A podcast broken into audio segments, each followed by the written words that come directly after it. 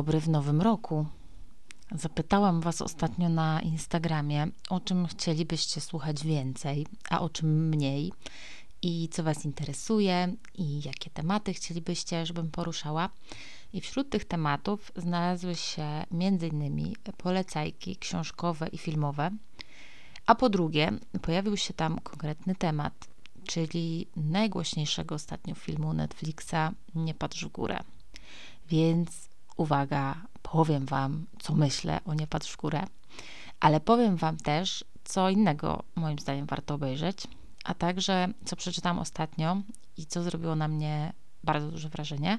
I postaram się bez spoilerów, więc jeśli ktoś jeszcze nie widział yy, Nie patrz w górę, to może sobie spokojnie czekać z oglądaniem i wyrobić sobie swoje e, zdanie. I ja wiem, że jakby wszyscy już zabrali głos, e, jak zawsze jestem ostatnia, ale mm, jest moim zdaniem kilka rzeczy wynikających z tego filmu, o których właśnie warto powiedzieć i kilka wątków, na które y, warto zwrócić uwagę. I jako, że w ogóle jestem wielką fanką obserwowania ludzkich zachowań w internecie, to w ogóle najciekawsze dla mnie są w ogóle same reakcje na ten film bo zauważcie, że właściwie ludzie się tak podzielili, e, nie wiem czy 50-50, ale no, na bardzo takie dwie dalekie frakcje, bo jest bardzo dużo entuzjastycznych komentarzy i ludzie piszą, że film Nie patrz w górę to 12 na 10, że jest wybitny, że daje do myślenia, że jest mądry, a do tego zabawny, świetnie napisany i e, na wskroś antysystemowy że obnaża bezwzględne mechanizmy i, manipulacje w naszym życiu politycznym i społecznym. A inni piszą, że po 40 minutach usnęli, że bohaterowie są sztampowi, że generalnie wiele hałasu o nic i po prostu nuda. Mm, wiele osób widzi w tym filmie również analogię, a to do sytuacji ze szczepionkami, a to do rządów PiSu w Polsce, no, w każdym razie, dla tych, którzy nie widzieli i w ogóle nie wiedzą o co chodzi, y, film y, Nie padł w górę jest o tym w dużym skrócie, że dwójka naukowców, tu w rolach Leonardo DiCaprio i Jennifer Lawrence, odkrywa, że w stronę Ziemi pędzi zajebiście wielka kometa, która za 6 miesięcy zniszczy po prostu w chuj całe życie na naszej planecie. I idą z tą wiadomością do prezydentki Stanów Zjednoczonych i najpierw nikt ich nie chce przyjąć, potem e, generał po prostu e, orżnie ich na e, precelki, czy tam chrupki, orzeszki, a potem słyszą, że kometa nie wpisuje się w wyborczy kalendarz. Więc idą do mediów i słyszą, że taka wstawka naukowa w mediach e, ma być lekka i zabawna, a potem przegrywają w rankingu popularności z rozstaniem e, młodej gwiazdeczki z jej chłopakiem i słyszą, że po prostu no sorry, ale kometa się nie klika. E, dziękujemy, nara. Potem oczywiście społeczeństwo się polaryzuje na tych, którzy patrzą w górę i na tych, którzy nie patrzą w górę, czyli generalnie zaprzeczają istnieniu komety, mimo że widać ją na niebie gołym okiem. I oczywiście film nakręcony jest jako satyra na naszą rzeczywistość i oczywiście ma pokazywać absurd czasów, w jakich żyjemy, y, czasów, y, w których mm, ostatnie zdanie należy tak naprawdę do algorytmu Facebooka czy Amazona. Natomiast, jeśli chcecie usłyszeć moje zdanie jeśli słuchacie do tego momentu, to wierzę, że chcecie. E, mi się ten film ogólnie dość podobał e, i podoba mi się jakby sposób opowiadania historii przez e, Adama Keja, ale uważam, że ten film jest mimo to bardzo powierzchowny i opiera się tak naprawdę na stereotypach, bo władza jest bezwzględna i taka zaślepiona. Biznesmeni są ogarnięci, rządzą zysku i bycia takim nadczłowiekiem. Są kobiece emocje i w cudzysłowie histeria i emocjonalny meltdown w telewizji, e, właśnie w wykonaniu Jennifer Lawrence. Trochę jest temat mansplainingu, czyli mężczyźni objaśniają nam świat. I wydaje mi się, że jednak jeśli ktoś przez ostatnie 10 lat śledził jakiekolwiek mainstreamowe media, troszkę interesował się tym, jak pokazywany jest nasz świat i korzystał z mediów społecznościowych, a już w ogóle korzystał z tych mediów i z mainstreamu e, w czasach pandemii, to raczej ten film nie jest jakiś zadziwiający czy szokujący, bo mm, no nie od dzisiaj wiemy, jak działa świat, media i telewizja śniadaniowe, śniadaniowa. Ale tak naprawdę chciałam Wam zwrócić uwagę na coś innego. Mm, pierwsza rzecz to jest właśnie reakcja na ten film i komentarz, który przeczytałam e, na LinkedInie. E, I w tym komentarzu było, że im bardziej nie podoba ci się Don't Look Up, niekoniecznie w tej warstwie realizacyjnej, tylko po prostu w warstwie fabularnej, o czym jest ten film, to znaczy, że tym bardziej jesteś uwikłany, umoczony czy umoczona w te wszystkie manipulacyjne mechanizmy. Że ci, którzy film krytykują, są sami w pewien sposób związani z mediami, polityką albo wielkim biznesem i właśnie dlatego go krytykują, bo wiedzą, że ten film jakby ma rację i że w razie faktycznej katastrofy ludzkość zachowa się właśnie tak, jak w filmie, że pokażemy, że tak naprawdę jesteśmy po pierwsze chciwi i pazerni, a po drugie to, że głównie interesuje nas e, oglądanie TikToka, a nie losy świata. I to jest taka refleksja, którą ja mam po tym filmie i taka rzecz, nad którą warto się zastanowić. A druga jest taka, i powiedział o tym niedawno w raporcie o stanie świata pan Dariusz Rosiak, i to mnie bardzo uderzyło. On powiedział, że żyjemy w świecie, w którym fakty nie mają znaczenia. I to jest dla mnie tak naprawdę takie jebnięcie obuchem w łeb. No bo tak jest. Fakty przestały mieć znaczenie. Czy fakty dotyczące szczepień i COVID-u, czy fakty dotyczące zmian klimatycznych. Żyjemy po prostu w takich czasach, kiedy fakty i opinie są właściwie nieodróżnialne, a my jesteśmy w jakiś dziwny sposób zobowiązani do szanowania opinii obu stron co sprowadza się czasami do tego, że jeżeli w telewizji jest dyskusja o klimacie, to z jednej strony siedzi klimatolog, a z drugiej e, denialista klimatyczny. Albo jeśli jest mowa o szczepionkach, to z jednej strony siedzi ekspert, a z drugiej poseł Konfederacji. No jakby kumacie o co chodzi. Fakty nie mają znaczenia, bo dzisiaj każdy ma swoją prawdę i można jakby fakty wierzyć albo nie wierzyć. I to nie tylko w Polsce, ale na całym świecie. E, I jest film, który pokazuje to w sposób o wiele bardziej oszczędny niż Don't Look Up, ale chyba nawet bardziej dobitny.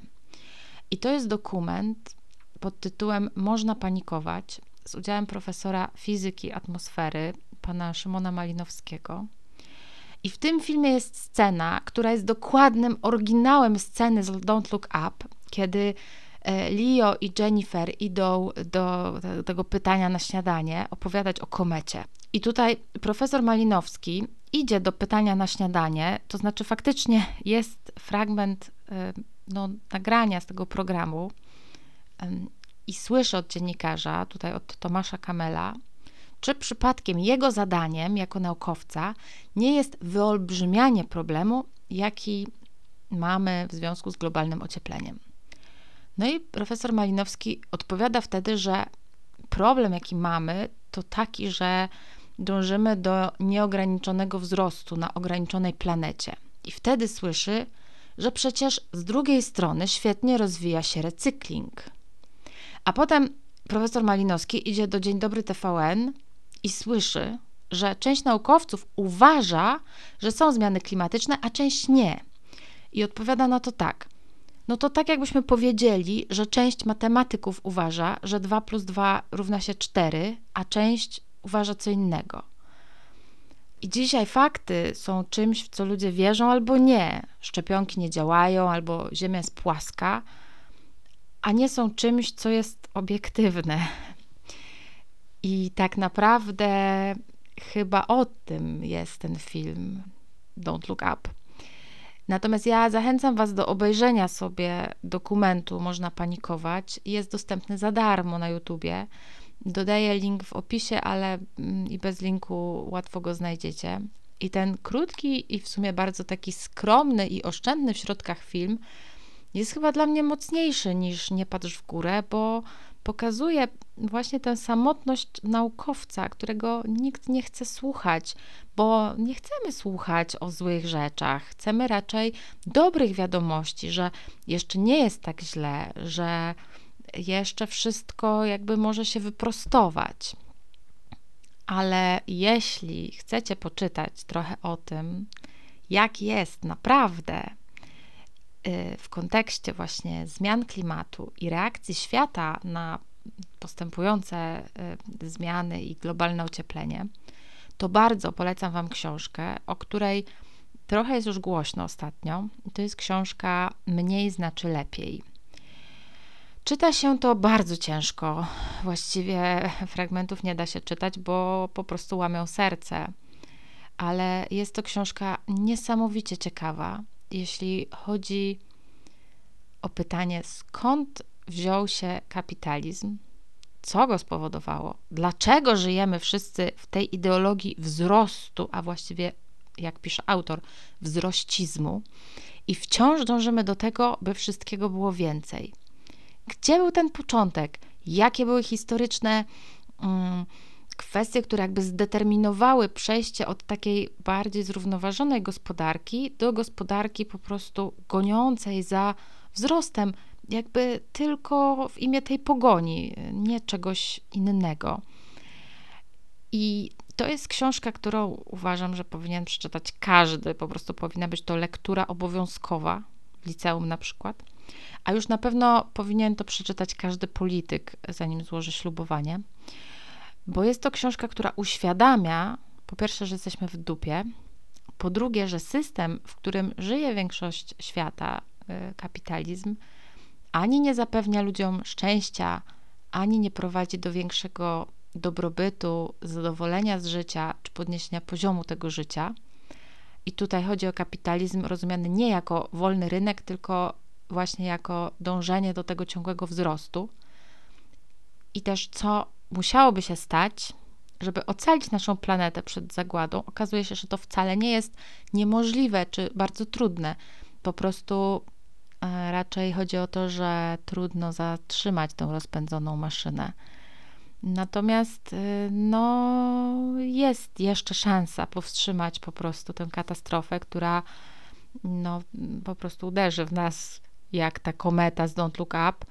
I chociaż nie będzie y, to zderzenie i takie po prostu jednostkowe, za przeproszeniem, pierdolnięcie, ale i tak y, będzie paskudnie. Mm, no i tak, zrobiło się bardzo ciężko, więc dam nam trochę wszystkim odetchnąć i powiem Wam jeszcze, co w 2021 roku dobrego przeczytałam i obejrzałam, co nie było o kryzysie klimatycznym i zdegenerowanym świecie rządzonym przez populistów. I mm, moje top 3 książek z 2021 roku to są Gorzko Gorzko Joanny Pator, Informacja zwrotna Jakuba Żulczyka i no kurczę, mam trudny wybór z tą trzecią książką. Może za chwilę zdecyduję. Powiem najpierw o Gorzko Gorzko i informacji zwrotnej. No więc Joannę Bator to ja kocham odkąd miałam lat 15 i zaczytywałam się w Piaskowej Górze i Chmur Dali. A Gorzko Gorzko jest wspaniałym powrotem autorki do jej najlepszej formy. To jest saga o czterech pokoleniach kobiet, których historię opowiada najmłodsza, Kalina, i odmalowane są faktycznie cztery kobiece portrety, i w związku z tym można, co uwielbiam w książkach, zdecydować sobie, którą się lubi najbardziej i która jest do nas najbardziej podobna. I to jest cegła, nie ma w niej dialogów, uprzedzam ją lojalnie, ale czyta się ją wspaniale, bo to jest książka gęsta, jak taka treściwa zupa, która syci, a jednocześnie ma mnóstwo takich smakowitych kawałeczków, które można sobie powoli przeżuwać, rozgryzać na języku.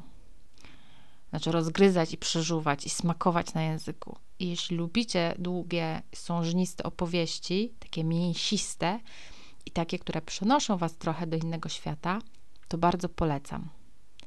Druga książka, Informacja zwrotna Jakuba Żulczyka, to jest z kolei powieść o mężczyźnie chorującym na chorobę alkoholową. I powiem Wam, że jeśli lubicie mocną prozę, taką, wiecie, która trochę Wami wstrząśnie, to to jest właśnie taka książka.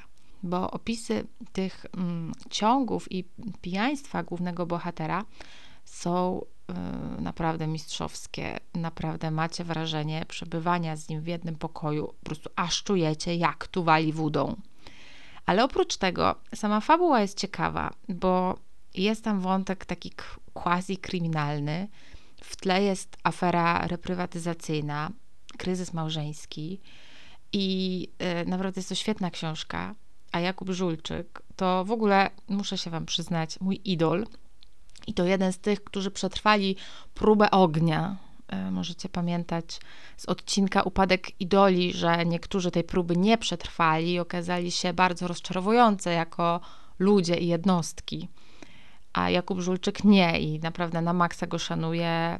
Y, uwielbiam w ogóle jego wpisy na Facebooku i uważam, że naprawdę jest to człowiek, który ma coś do powiedzenia y, i nie tylko w książkach. I przeczytałam chyba wszystkie jego książki, ale naprawdę informacja zwrotna jest chyba najlepsza. No i z tą trzecią książką mam trochę problem, bo przeczytałam kilka takich, które mi się podobały, ale czy któraś z nich była taka top of the top? Nie wiem. Niech dla porządku będzie, że przeczytałam wreszcie Cień Wiatru i bardzo mi się podobała i też yy, chyba szłam w tym roku takim tropem opowieści, które tak pozwalały mi się naprawdę zanurzyć w tym wykreowanym świecie, które były e, długie i skomplikowane i które trochę pozwalały się oderwać od rzeczywistości. Nie wiem, czy też tak mieliście, mm, bo w tym roku, to znaczy w minionym roku, to było chyba właśnie to, czego potrzebowałam i czego szukałam. Nie reportaże, nie literatura faktu, nie poradniki, zresztą ja nie czytam poradników, tylko właśnie opowieści. A co mi się podobało z rzeczy do oglądania? Mam na pewno dwie rzeczy do polecenia, jeśli szukacie filmu i serialu. Więc film, który ostatnio najbardziej mi się spodobał i który jeszcze jest e, w kinach, więc jeśli macie okazję i czas, to idźcie zobaczyć, to jest film Truflarze. Opowieść o dziadkach z włoskiego Piemontu, którzy całe życie spędzili na szukaniu trufli w lesie. I dzisiaj, mimo że mają po 90 lat, dalej chodzą na trufle. I trufle to w ogóle jest w tym filmie cały mikrokosmos, cały świat, w którym w ogóle nie istnieje jakiś kurde Instagram, jakieś media społecznościowe, polityka. To jest świat, w którym liczy się psi węch i handel truflami. I film jest absolutnie przepiękny. Jest po prostu o takiej radości życia, o cieszeniu się życiem, nawet jak się jest starym i nie ma się rodziny. I moja ulubiona scena w tym filmie to taka, kiedy sobie siedzi przy stole mąż i żona, oboje już tak w podeszłym wieku, no i sobie rozmawiają. Mniej więcej tak. Ona do niego.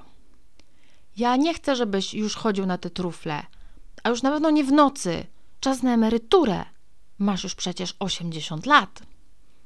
On do niej.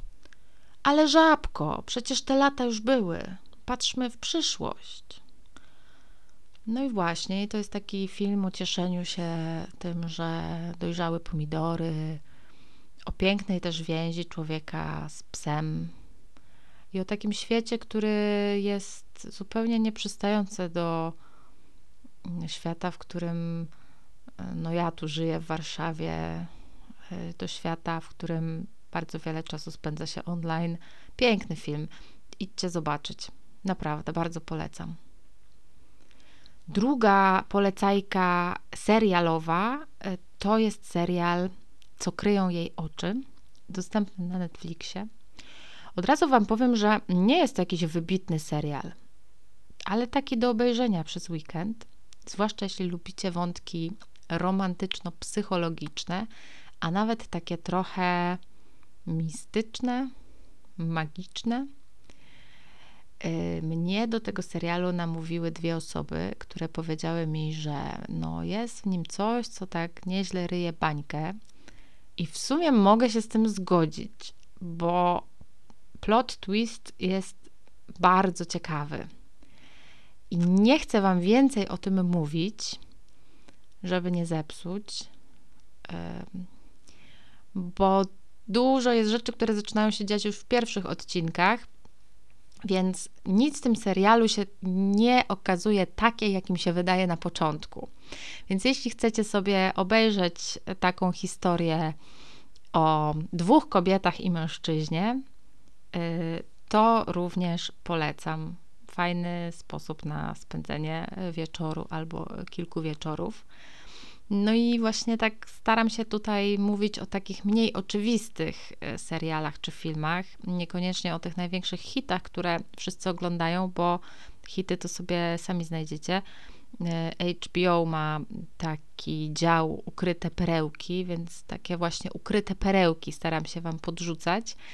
E, I też takie perełki, które nie wywołują jakiegoś cringe'u i nie są moim guilty pleasure, jak na przykład Seks w Wielkim Mieście po latach, czy tam jak to się nazywa, jakiś taki tytuł niezapadający w pamięć. I tak już jest, coś takiego, e, gdzie scenariusz jest po prostu dziurawy jak sitko i można mieć ciary żenady, ale no ja lubię czasami obejrzeć sobie zły serial albo zły film. Lubię bardzo ale jestem ciekawa, czy Wy w 2021 roku odkryliście jakąś perełkę. Jeśli tak, to podzielcie się w komentarzu albo na Instagramie, co Wam się podobało i jakie macie hity 2021 roku albo noworoczne. I cóż, no, mam dużo planów na nowy rok, dużo tematów, o których chcę powiedzieć, yy, i będzie tak jak do tej pory o życiu i rozkminkach ale będzie też y, nowy cykl podróżniczy i myślę, że już wkrótce opowiem Wam o jednym z najbardziej tajemniczych i zaskakujących krajów, jakie odwiedziłam, więc już Was zapraszam w tę podróż. I również zapraszam Was, jeśli Was to interesuje, do śledzenia mojego nowego projektu, czyli bloga o tworzeniu treści i content marketingu który startuje już zaraz w styczniu na stronie joannakocik.com i będę tam pisać między innymi o tym, jak lepiej pisać i jak ułatwiać sobie pracę przy tworzeniu treści. I będzie bardzo dużo przykładów z życia wziętych, i będą moje własne błędy. I mam nadzieję, że ci z Was, którzy zajmują się pisaniem, czy zawodowo, albo po prostu lubią tworzyć, znajdą tam coś dla siebie i że moje rady się Wam przydadzą. I już koniec ogłoszeń, musicie mi wybaczyć. Y, trochę taki porządkująco zapowiadający odcinek na nowy rok, bo trochę mi się udzieliła sraczka noworoczna i od paru dni mam dużą zajawkę na planowanie.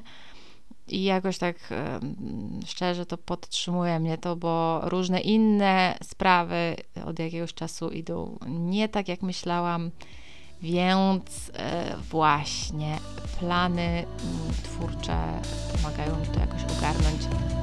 Pozdrawiam Was bardzo serdecznie, życzę Wam dobrego roku i do usłyszenia niedługo na szezlongu.